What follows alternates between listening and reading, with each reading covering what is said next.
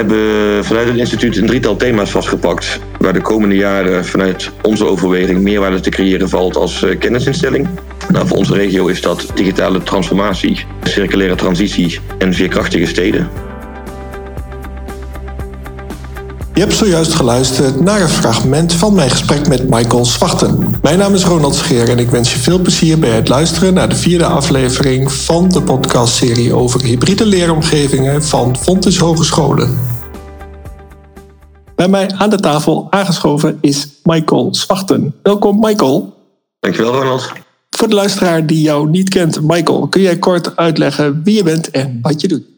Mijn naam is Michael Zwachten, werkzaam voor eh, de Fontes voor Economie en Communicatie, dan specifiek voor de opleiding bedrijfskunde, waar ik al enkele jaren als docent uh, rondloop en eigenlijk in verschillende rollen uh, bezig ben met de uitvoering en de organisatie van ons onderwijs. En met name dat laatste is iets waar natuurlijk de afgelopen jaren veel ontwikkeling op zit. Als je kijkt naar hoe de wereld verandert, misschien wel versneld door de huidige ja, coronasituatie waar we in zitten. Naast mijn docentschap ben ik tevens werkzaam als uh, business consultant, uh, zelfstandig ondernemend. En dan met name in de hoek van uh, bedrijfsovernames en een stukje juridische dienstverlening. Ah, top. Dat is eigenlijk precies waar ik denk dat de toekomst naartoe moet. Dat er veel meer docenten zijn die ook werken in het echte werkveld. Doe je dit al vanaf het hele begin of ben je dat pas later gaan doen? ik ben nu een jaar of negen werkzaam in het hoger onderwijs. Waarvan de laatste vier jaar bij Font is. En ik ben een jaar of zes geleden begonnen met, met ondernemen. Met name omdat ik zelf merkte uh, na mijn studie dat het onderwijs ontzettend leuk is om in te werken. Maar het ook wel fijn is voor de vakgebieden waar ik zelf voor werk, mogen wat praktijkervaring op te blijven doen. En uh, met name ook gewoon de veranderingen daar goed te blijven zien. En ik denk dat, ja, zeker als je kijkt naar uh, Applied Science, waar we zelf voor opleiden met een, met een open school, dat met name die koppeling met het werkveld onmisbaar is, wil je studenten ja, zo goed mogelijke leerervaringen meegeven. Ja, Goh, dus dat maakt eigenlijk dat jij uh, vrij goed trends op de arbeidsmarkt zou, zou kunnen signaleren. Ik weet niet je dat zo breed kan benaderen. Ik denk wel dat het eraan bijdraagt als je naar bedrijven kunt kijken waar ik zelf voor werk. Dat je snapt wat de uitdagingen zijn waar bedrijven momenteel voor staan. En ik moet zeggen dat die stiekem niet heel veel anders zijn dan de uitdagingen waar ook Fontes als organisatie soms, uh, soms voor staat. Misschien met iets andere takken van sport dan, uh, nou, laten we zeggen, een commercieel bedrijf. Maar nog steeds zie je ook dat, dat ons dagelijks werk beïnvloed wordt door uh, allerlei veranderingen zoals digitalisering. Ja, ook studenten die misschien wel op een andere manier willen leren. De invloed van het beroepenveld of het werkveld waar je voor opleidt, die, die anders wordt of die meer samen onderwijs co-creëert. Dat zijn superleuke ontwikkelingen. Maar daar hebben denk ik in deze tijd ook alle organisaties last van. Ja, je noemde al het, het co-creëren en het samenwerken tussen hoger onderwijs en het werkveld. Daar wil ik graag uitgebreid bij stilstaan. En ik wil dat doen aan de hand van de, de studenten die derde, vierde jaar zijn, stage afstuderen zoeken. En dan aan de hand van een aantal projecten die jij doet, liefst meerderjarige projecten die je doet met het bedrijfsleven, dat jij eens vertelt hoe je dat doet en, en waarom dat dan eh, al jarenlang eh, succesvol is. Als ik jou vraag samenvat in uh, hoe wij met het werkveld omgaan als opleiding. En daarmee ook uh, een stukje co-creatie borgen. Is denk ik mijn eerste reactie dat het expliciet niet bij jaar drie en jaar vier een stage en afstuderen hoort. Maar veel meer in je complete opleiding verweven moet zitten. Een um, aantal voorbeelden van projecten die wij met de opleiding doen. En waar ik zelf een rol in vervul. Is bijvoorbeeld met eerstejaars die vanaf dag één dat ze binnen zijn.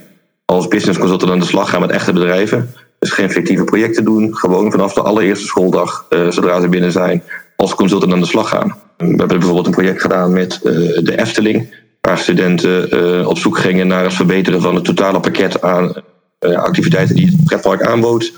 Om die zogenaamde 9-plus ervaring die zij strategisch gezien nastreven, om daar advies over te geven. Dat was een project in het eerste semester van, van de propedeuse. Ja, natuurlijk komt er iets andere output uit dan wanneer je met derde of vierdejaars werkt. Maar juist die ervaringen die studenten vroeg opdoen, met de juiste verwachtingsmanagement richting een organisatie en richting de student zelf, uh, leidt er volgens mij alleen maar toe dat je zo snel mogelijk mensen op niveau krijgt om uh, mee te kunnen denken en mee te kunnen praten in een toekomstige rol. Dat is een voorbeeldje. Mm, als we tevens zien is dat we uh, proberen vanuit het instituut momenteel wat meer hybride leeromgevingen neer te zetten. Nou, dan krijg je vaak best wel wat zoektochten naar. is hybride hetzelfde als authentieke leeromgeving? Dan komen er heel veel uh, mooie onderwijskundige termen voorbij. Waarvan ik denk dat is leuk. Uh, maar vervolgens moet je het ook gaan doen. En daar komt met name een heel stuk uh, nou ja, invloed van die partner tevoorschijn. Een partner bedoel ik dan even het bedrijfsleven dat eraan gekoppeld is. Ik merk dat we dan vanuit een ideale visie best gauw sturen op jaar drie en jaar vier. De studenten zijn verder, die kunnen uh, fijn inter- of multidisciplinair gaan werken. Maar ik denk ook eerste en tweedejaars, misschien tweedejaars iets meer dan eerstejaars, lenen zich al prima om op die manier aan de slag te gaan. Alleen ook daar, daarbij hoort weer hoe complex maak je het, hoe zelfstandig maak je het. Um, je kunt er maar verschillende uitingen aan geven. Wat ik leuk vind te zien de afgelopen jaren in de projecten. Uh, ik denk dat ik de afgelopen zes jaar van mijn docentschap eigenlijk al bezig ben met propedeuse studenten. Zo snel mogelijk in die, eh, die werkomgeving plaatsen. Dus dat je wel steeds meer ziet dat de rol van de docent erg verandert. Waarbij het voorheen vaak een meer coachende rol was. Ga je de, de afgelopen periode in steeds grotere mate samen op, noem het even ontdekkingstocht of zoektocht. Waarbij je uh, met de studenten ook nieuwe dingen leert. Eigenlijk op een gelijkwaardig niveau uh, probeert de meest recente trends, ontwikkelingen in beeld te brengen. Natuurlijk wel de set skills hebt om stapjes te kunnen schetsen hoe je vooruit gaat. Vertrouwen te kunnen geven dat je de juiste kant op beweegt. Maar ik vind de rol steeds meer de rol van nou, bijrijder of misschien wel ja, teamlid worden. In plaats van een docent die echt uh, het voortouw moet nemen om uh, die groep vooruit te slepen. Wat ik een erg leuke ontwikkeling vind als het gaat om, met name voor ons economisch domein, studenten opleveren die zelf die management skills, dus die, die leidinggevende skills tevoorschijn toveren. Oh, je bent de enige docent die daar zo naar kijkt, of zijn al jouw docenten al zover? Ehm, nou, ik denk dat iedereen of niemand vaak wel uh, uiterste zijn. Ik denk dat er verschillende visies op zijn binnen uh, ook ons instituut. Uh, maar ik ben zeker niet de enige die op die manier naar ons onderwijs kijkt. Sterker nog, ik zie een steeds grotere groep collega's die vaak op eigen manier begint te pionieren en dingen uitprobeert. En het leuke daarbij is als je als team afspreekt om mogelijkheden te zoeken van collega's van verschillende achtergronden, leeftijden, zienswijze op onderwijs. Juist een kleine subteams te plaatsen. Dat je daarmee de meest leuke nieuwe inzicht te krijgen als het gaat om uh, hoe onderwijs zal functioneren in deze tijd. Wat ik zelf erg leuk vind aan uh, nou ja, toch wel de misschien wel de hype of trend die het woord hybride leeromgeving met zich meebrengt, is dat het impliceert dat je ehm, nou ja, als hybride iemand verschillende petten verschillende rollen aan kan nemen. Um, nou, als ik kijk naar het domein waar ik zelf vooral in werk, is het vaak een combinatie van student, bedrijfsleven en docent. En ik vind het leuk als je toongevend onderwijs neer weet te zetten nu. Dat je topics durft vast te pakken waar we ook niet precies van weten hoe het werkt of hoe het eruit gaat zien. Je dus echt samen in zo'n vraagstuk springt. Ik schaf net al aan, ik heb het gevoel dat collega's of docenten, zoals ik zelf ook, uh, met die student veel meer mee in kijken zijn, mee in het leren zijn in plaats van het voortouw moeten nemen. Dus dat wat klassiekere karakter van een opdracht of een opdrachtgever zie je langzaam meer gaan naar een soort van projectteam waar mensen samen in zitten. En ik denk dat daar precies de fun van hybride zit. Waarbij de uitdaging, vind ik, heel erg zit op, um, zeker als je over domeinen of instituten heen wil werken, niet te veel gaan vasthangen aan roostering, studiepunten en uh, noem het even logistieke afspraken. Maar met name een uh, werkomgeving creëren. Of die nou fysiek of online is, maakt niet zo heel veel uit. Maar de mensen elkaar weten te vinden. Waarin de deur open staat om uh, een keer, alleen maar voor een klein deel, een kijkje te komen nemen bij, nou, pak even een topic vast, digitale transformatie. Waar gaat het over? Wat speelt daar? Dan zie je dat misschien in derde jaar, want daar begonnen we net mee, uh, als stageperiode prima een half jaar intensief ergens aan kan werken. Dat ook een eerstejaars student misschien wel voor een kortere periode een dag per week een kijkje komt nemen. Misschien een andere groep een keer voor een gastcollege komt. Voor mij ben je zo samen continu bezig met die, met die kennisontwikkeling. Met name, misschien niet zozeer de kennisontwikkeling, met name het samen leren. Uh, en daar zit de fun volgens mij in. En ook de verandering van wat ik denk te zien aan die docentrol die steeds meer uh, doorontwikkelt. Ik probeer een hybride leeromgeving te bezien vanuit samenwerken, begeleiden en beoordelen. Hoe zit de bedrijfsbegeleider op dat, op dat vlak? Um, ik vind het een tricky iets, want als je het over toetsing hebt, met name op eindniveau, komt toch vaak een uh, accreditatie tevoorschijn. En dan lijken we te focussen op juist risico's managen.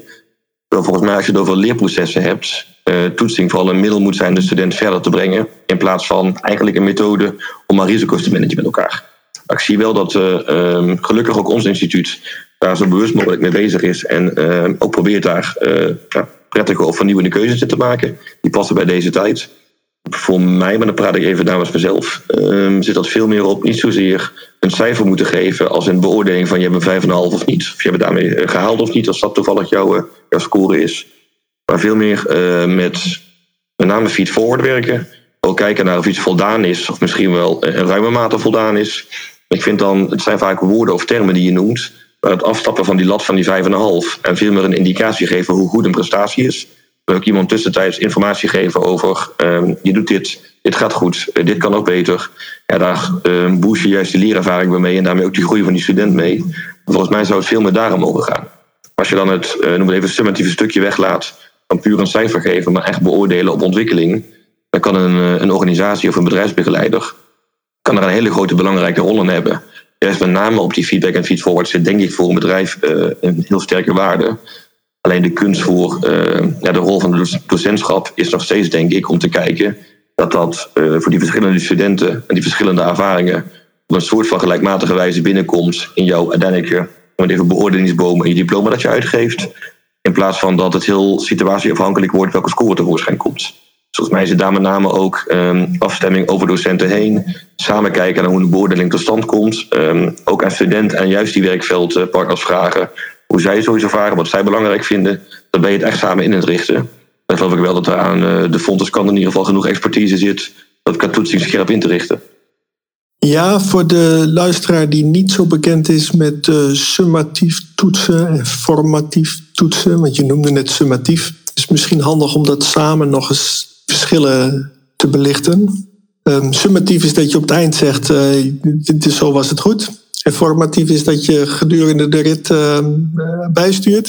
Ik denk dat met name formatief koppelen aan het proces en summatief koppelen aan de eindprestatie, zoals je zelf schetst, dat dat een mooie duiding is van verschillen. En je kan uh, tegen argumenten bedenken waarom dat iets anders zou moeten zijn dan voor je het kunnen definiëren. Het gaat met name om continu bezig zijn met de ontwikkeling van de student. Versus één moment pakken waarop je een, uh, ja, een mijlpaal neerzet waar iemand overheen moet.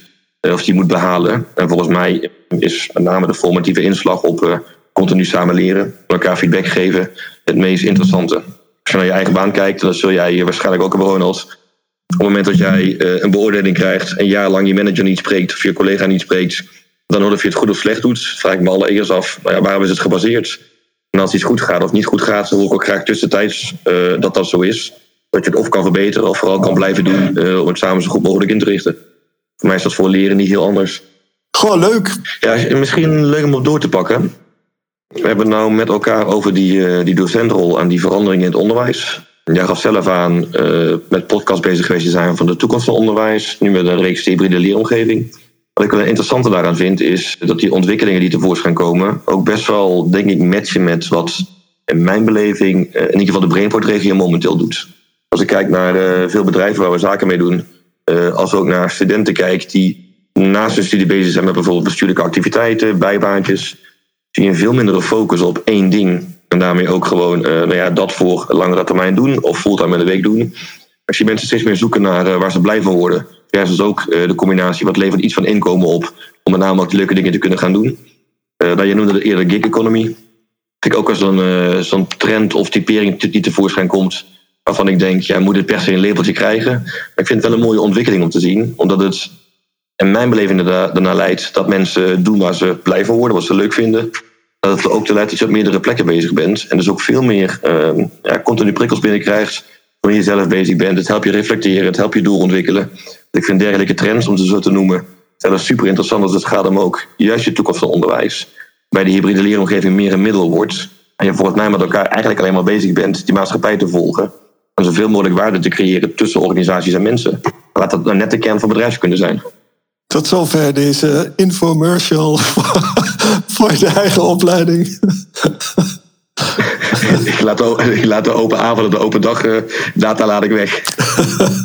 Mooi. Ja, nee, ja. Daar wordt, wordt natuurlijk iedereen blij van. Van dit soort uh, bespiegelingen waarin je zegt dat de student staat centraal en uh, de bedrijven zijn blij. Je hebt net uitgelegd hoe jij vanuit bedrijfskunde en economische domein um, de, de markt ziet en hoe je met je bedrijven samenwerkt. Ik zie dat vanuit het, het techniekdomein waar ik zit binnen engineering. Zou het interessant zijn om samen na te denken over hoe wij ons profileren naar de markt toe? Als ik naar het bedrijf kijk en met name ook hoe met klanten omga die vaak gewoon uh, een oplossing willen in plaats van uh, 16 uitleggen over waar ze moeten zijn, wanneer, wie, wat, hoe, is het denk ik heel makkelijk om als hogeschool ook te zeggen: we bouwen één portaal waarop mensen binnenkomen. En we richten interne samenwerking zo goed mogelijk in, waardoor enerzijds de bedrijven op de juiste plek terechtkomen, geholpen worden, wij er voor hun zijn uh, en met name ook tevoorschijn komt dat studenten daarmee ook op de juiste plek terechtkomen en snel weten wat er van ze verwacht wordt, wat ze kunnen doen. We doen ontzettend veel gave dingen, maar soms weten we veel te weinig van elkaar, waardoor met name die samenwerking vergemakkelijker wordt door die informatiestroom gelijk te trekken. En je noemde net heel kort even, werkt het om een indirect loket te hebben naar de buitenwereld toe? Ik denk dat dat altijd helpt, maar met name korte lijntjes, elkaar spreken is superleuk.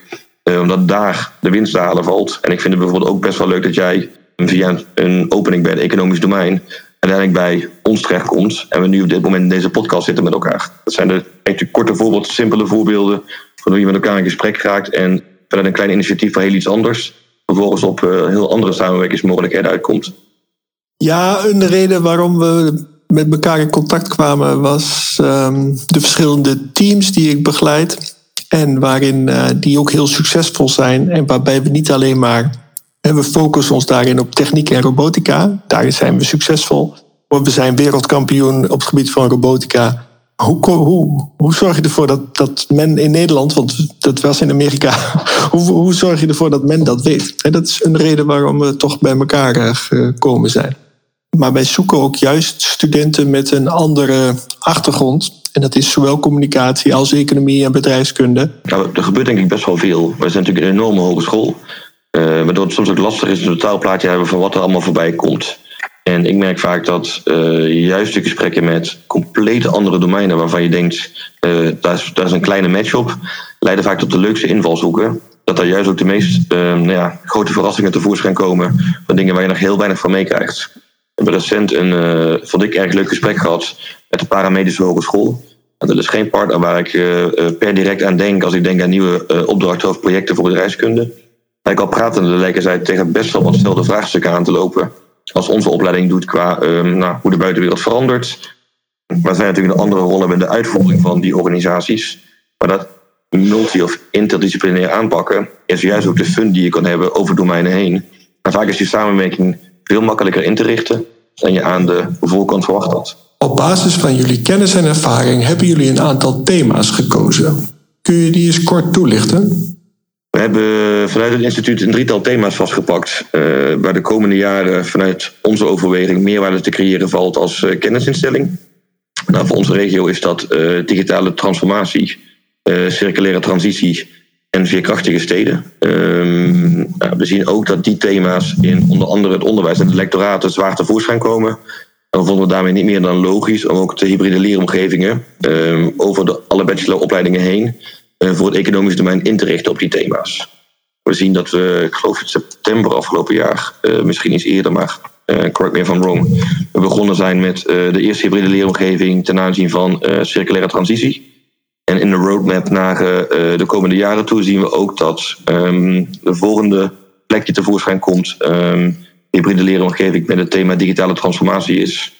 We proberen daar met name ook het bedrijfsleven mee te nemen of de organisaties mee te nemen dan de high-tech campus in Eindhoven. Dat in onze beleving uh, daar ten, tenminste een grote portie kennis en ervaring zit die wij kunnen gebruiken ook om ja, samen te werken op dat vlak. Ik vind dat zelf ontzettend leuk initiatief om te zien.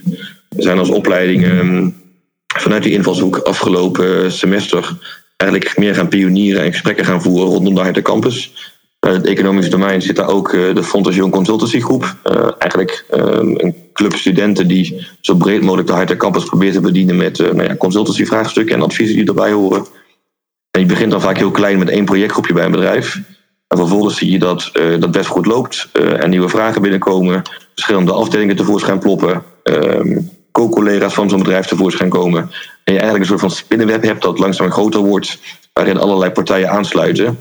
En dat hybride karakter ook steeds meer vanzelf tot uiting komt omdat je juist uh, ja, die, die groep mensen vergroten bent. Die allemaal een eigen ervaring, uh, vraagstukken, uh, visies meenemen. Ik vind het superleuk te zien. En ook de initiatieven wat ik zelf wel fijn vind dat um, er vanuit ons instituut, en ik wel Breed sowieso al wat meer, best wel hard op ingezet wordt. Omdat daar precies denk ik de toekomst kan zitten. Wanneer je met elkaar bezig bent met uh, ja, al die ontwikkelingen in de buitenwereld. En de digitale transformaties, want daar heb ik nog minder van gehoord. digitale transformatie is een onderzoeksthema dat vanuit ons instituut als belangrijk gezien wordt. Nou, ik denk ook wel als ik de ontwikkelingen van het bedrijfsleven zie waar wij zelf heel mee werken, dat enorm snel gaat. Onder andere ook omdat we dan eh, meer ook op afstand werken en er ook veel meer dingen tevoorschijn komen. Wat ik of interessant vind te zien, is dat er best veel bedrijven zijn in de buitenwereld die ehm, tools of ideeën creëren die helpen in de digitale omslag. Veel bedrijven lopen er tegenaan en hebben uitdagingen waarvan ze naar oplossingen zoeken. Maar er zit best wel een gap tussen vraag en aanbod. Uh, bedrijven weten vaak niet wat ze kunnen vragen. En weten ook vaak niet wat er allemaal aangeboden wordt door die uh, partijen die iets maken. Ik denk dat daar ook een uh, interessante invalshoek kan zitten. Voor met name ook studenten op het economische domein. Om die, die markt van vraag en aanbod bij elkaar te krijgen. En die, die gap te overbruggen. Binnen Fontes vind ik het fijn te zien dat daarop ingezet wordt. Binnen het instituut FAEC werken we met een aantal strategische pijlers, waarvan er ook één is: The World is Global and Digital. Dat betekent dat digitalisering, uh, los van onderwijs en onderzoek, in alle facetten van uh, je dagelijks werk zou mogen zitten. Maar dat geldt net zo voor, voor internationalisering. De wereld die steeds kleiner wordt. En in ons instituut werken we dan met name met een impulsgroep die bezig is met dat thema vertalen naar onze curricula en onderzoekspopulatie aan docenten. En kan je die strategische pijlers kort toelichten? Uh, als je kijkt naar, um, je hebt vraag naar doel op die strategische pijlers van het instituut. Waarvan ik zei, nou, één daarvan is The World is Global and Digital. We hebben ook een aantal andere strategische pijlers. Uh, die zitten met name, zonder ze allemaal te hoeven doorlopen, op dat ons onderwijs steeds flexibeler wordt. En de doelgroep dat vraagt, dus dat je daar ook je onderwijs op inricht. Authentiek en hybride leren wordt zwaar, zwaar meegenomen in onze strategie. En met name de continue wisselwerking tussen onderzoek en onderwijs. Het is dat ook zwaar aan de focus van het instituut ligt. En denk ik ook juist heel mooi die combinatie maakt van alle dingen die we net besproken hebben. Het is leuk te zien. Ik heb vanochtend um, een sessie bijgewoond waarbij het ging over uh, een gezamenlijke onderwijsvisie uh, binnen ons relatief jonge instituut. Uh, met opleidingen die best wel verschillend zijn in ehm, het werkveld waarvoor ze opleiden, de cultuur van een onderwijsteam, de manier waarop ze naar onderwijs kijken. We zijn er met name aan het kijken vanuit, uh, vanuit heel naar hoe onderwijs uh, ingericht kan worden. Um, en je ziet dan ook juist dat die verschillende bouwstenen die vanuit zo'n methode aangereikt worden, die wij gekozen hebben voor onze onderwijsvisie, heel veel bindend zijn en juist focus leggen op waar je elkaar wel weet te vinden in plaats van de onderlinge verschillen. En dat is erg mooi om te zien. Ja, heel is de high impact learning theorie van professor Philip Docci. Docci heeft een aantal bouwstenen en die bouwstenen gaan jullie in het onderwijs terug laten komen. We zijn momenteel bezig met een vertaalslag van uh, een mogelijke visie uh, naar onze bacheloropleidingen. Uh, en die visie wordt met de verschillende onderwijsteams gebouwd.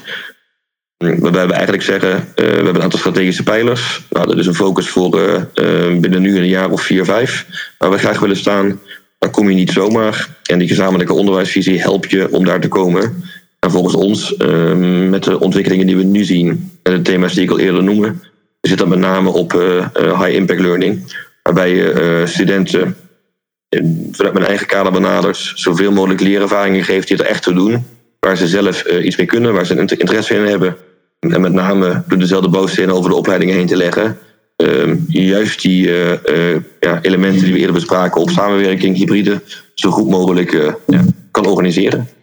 Ik heb nog een paar afsluitende vragen die ik eh, iedereen eh, stel. Eh, welk boek heb jij recent gelezen dat jouw denken en handelen heeft beïnvloed? Ik denk dat ik het meest interessante vind uh, om te noemen het boek Customer Journey Mapping vind. Vrij recentelijk gelezen in het licht van een klant waar ik voor bezig was. En vervolgens ook in combinatie met activiteiten binnen Fontis. Niet zozeer dat die methode heel nieuw was, maar met name wel um, het echt vanuit de doelgroep kijken en continu bezig met verbeterslagen. Vond ik erg interessant om te zien. En dat sluit ook wel heel erg aan op mijn werk. Dat was voor mij een methode die uh, voor mij wel even um, een stukje onbewuste bekwaamheid vertaalde naar bewuste bekwaamheid. Welke podcast luister jij zoal? Ik moet zeggen, ik uh, luister meer muziek dan podcast, maar ze komen wel eens voorbij. Wat ik zelf wel een fijne vind, is de BNR Nieuwsradio uh, reeks. Die zijn vaak lekker to the point. Uh, zitten best goed in elkaar. Um, en zijn voor mij um, ook qua lengte vaak wel prettig om uh, tussendoor te luisteren. Ik vind ze um, momenten in de auto wel eens fijn. Alleen ik merk met name nu ook dat met uh, nou ja, veel thuiswerken ik minder in de auto zit dan voorheen. maar ik vind met name de, de snelwegmomentjes perfect voor een, eh, het luisteren van een podcast. En dan de laatste vraag. Wie zou jij graag een keer in deze podcast willen horen? Wat ik zelf wel interessant vind, is een directe collega binnen ons eigen instituut, uh, Maurice Kuipers. Maurice is uh, coördinerend, kan ik wel zeggen, op internationalisering. Uh, en met name continu bezig met het bouwen vanuit strategische allianties op samenwerkingsverbanden die op de lange termijn iets opleveren in plaats van kortzondige projecten. En zijn visie op, ik denk hoe internationalisering en digitalisering samenkomen, zou ik een interessante vinden met een podcast nader uh, uit het licht te zien worden. Nou, top! Ik ken Maurice nog niet. Nou, Michael, super bedankt voor dit gesprek. En bedankt voor het leuke gesprek. Leuk om te doen. Hoe, uh, hoe kijk je erop terug? Positief. Ik vind het ook leuk, want sommige vragen triggeren je om eens bewust na te denken over dingen waar je mee bezig bent. Super. Gelet op de tijd uh, moeten we toe richting een afronding. Wil je misschien vertellen hoe mensen met jou contact op kunnen nemen? Nou, mocht iemand denken, ik vind het leuk om uh, nader in gesprek te gaan over uh, de dingen die aan bod gekomen zijn. Toekomst van onderwijs, hybride leren of het economische domein koppelen aan met name al die andere domeinen. Dat is misschien wel de leukste vraag om te bespreken met elkaar. Bellen mag altijd, mailen mag ook. m.zwachten.fontes.nl leidt rechtstreeks tot mijn mailbox en zou uh, tot een snelle reactie moeten leiden. En daarmee zijn we aan het einde gekomen van dit gesprek met Michael Zwachten. Dit was de vierde aflevering in het kader van de podcastserie over hybride leeromgevingen van Fontis Hogescholen. Wil jij ook graag een bijdrage leveren aan de discussie rondom hybride leeromgevingen? Ga dan voor meer informatie naar de website fontes.nl forward slash hybride leeromgevingen of stuur een e-mail naar r.scheer.fontes.nl. Vergeet niet om je te abonneren op deze podcastserie, want binnenkort staat er weer een nieuwe aflevering voor je klaar. Graag tot dan.